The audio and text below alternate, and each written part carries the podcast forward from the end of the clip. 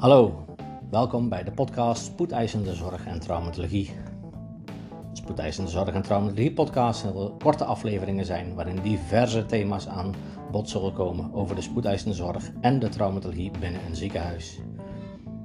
Het doel van deze podcast is de luisteraar mee te nemen in het werk op de SEH en zo informatie te verkrijgen over thema's en vragen die men heeft. Iedere aflevering zal een thema behandelen. De afleveringen zullen kort en bondig zijn. Hallo, mijn naam is Jan de Koning en ik ben werkzaam als spoedeisende hulpverpleegkundige en gipsverbandmeester. Door mijn werk en ervaring in zowel deze functies, maar ook op de ambulance, hoop ik jullie te kunnen meenemen en vragen te kunnen beantwoorden en thema's te kunnen behandelen die jullie wellicht zullen bezighouden. En ik weet zeker ook heel veel meer mensen zullen bezighouden die geïnteresseerd zijn in de spoedeisende zorg, maar ook in de traumatologie. Ik denk dat het verstandig is dat we maar meteen gaan beginnen met het eerste thema, en wel COVID. COVID-19 op de spoedeisende hulp. Ik krijg wel eens de vraag: is het nu echt zoveel? Komen er zoveel COVID-patiënten bij jullie? Ja, de ene dag is de andere niet. De ene dag komen heel veel patiënten op de spoedeisende hulp. Zijn nog niet allemaal positief, maar misschien wel verdacht als positief. En de andere dag dan ja, komen er heel erg weinig. Um, mochten er heel veel komen, um, ja, het zijn er veel meer als een gewoon griepje. Het feit dat wij een observatorium hebben geopend in een ziekenhuis, oftewel een speciale ruimte waar extra bedden staan om mensen te kunnen opvangen omdat de spoedeisende hulp overloopt, zegt denk ik wel voldoende. Dus ja, het zijn er wel veel. Een andere vraag die we wel eens krijgen, zijn het echt allemaal positieve patiënten? nee, het zijn niet allemaal positieve patiënten. Het kunnen ook patiënten zijn die verdacht zijn als positieve patiënt. Maar als ze verdacht zijn, moeten wij natuurlijk wel uh, al onze voorzorgsmaatregelen nemen. En zullen die mensen getest moeten worden. Zeker als ze worden opgenomen, worden ze getest en later zal blijken of het inderdaad positieve COVID-patiënten zijn, ja of nee.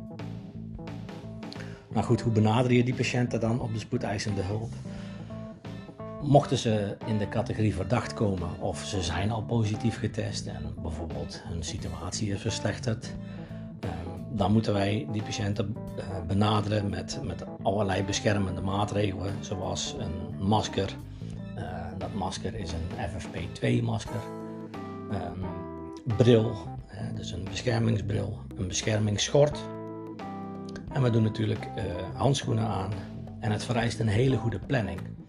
Uh, als je namelijk bij zo'n patiënt naar binnen gaat uh, en je moet bloed afnemen, een hartfilmpje maken, er moet een thoraxfoto gemaakt worden.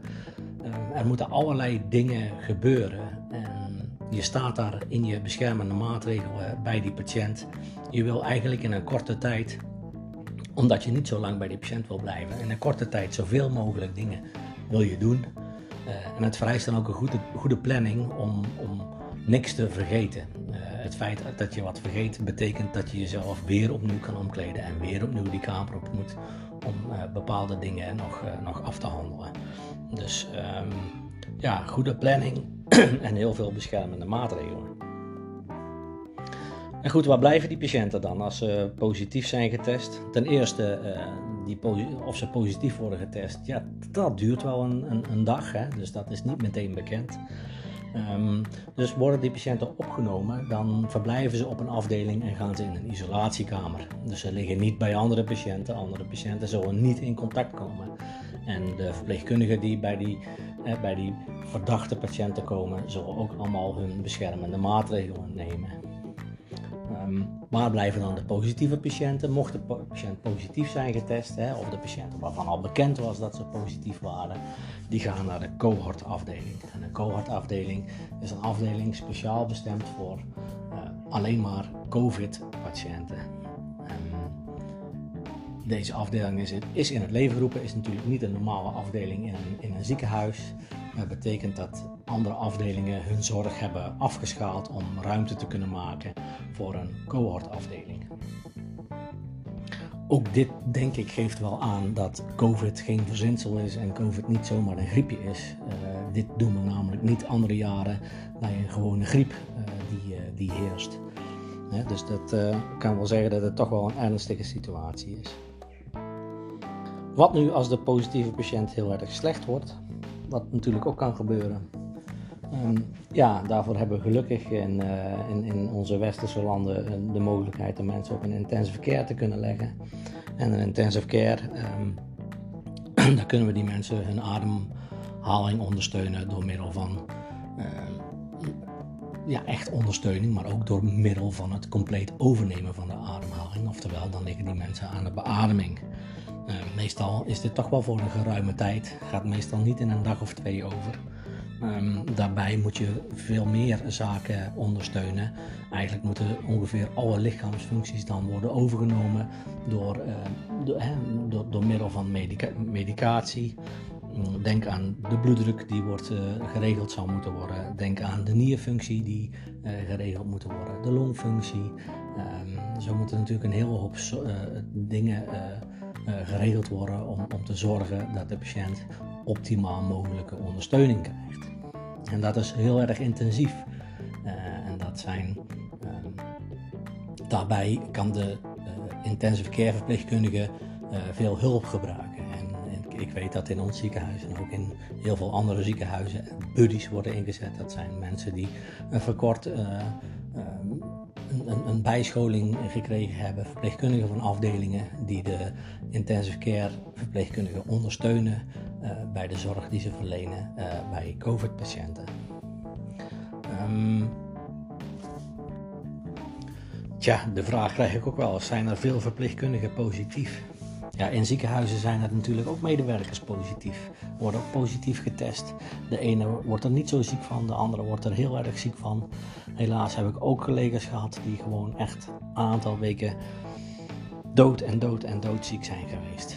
Niet het normale griepje wat je wel eens door, uh, doormaakt, waarbij je een aantal dagen in bed ligt en het gaat gelukkig wel weer. Um, dus ja, dat is ook wel een beetje schrik. Hè? We moeten elke dag in beschermende kleding die kamers op. Uh, je weet het maar nooit. Uh, je probeert je zo goed mogelijk te beschermen, maar ook wij kunnen het natuurlijk krijgen. Um, het is wat het is. Het is ons werk en we doen het graag. En we hopen dat het maar gewoon heel snel voorbij uh, gaat. Um, ja, aan het eind wil ik dan ook heel graag zeggen: houd je aan de regels alsjeblieft. Jongens, was goed je handen. Denk goed aan je medemens. Denk je er anders over? Hè? Ben je het er allemaal niet zo mee eens? AUB, heb een beetje respect voor mensen die er wel schrik voor hebben. Misschien hebben hun wel hele valide redenen om er schrik voor te hebben, die jij misschien zo niet zal zien. Ze, kunnen ziek zijn, ze kunnen zwak zijn. Uh, misschien hebben ze chemokuur gehad. Uh, noem het allemaal maar op. Hart- en vaatziekten. Uh, dus AUB, help allemaal mee om dit zo snel mogelijk te overwinnen. Dat is mijn boodschap. Jongens, dit was mijn podcast. Dank voor het luisteren. Tot de volgende aflevering. Dit was Jan de Koning. En dit was Spoedeisende Zorg en Traumatologie.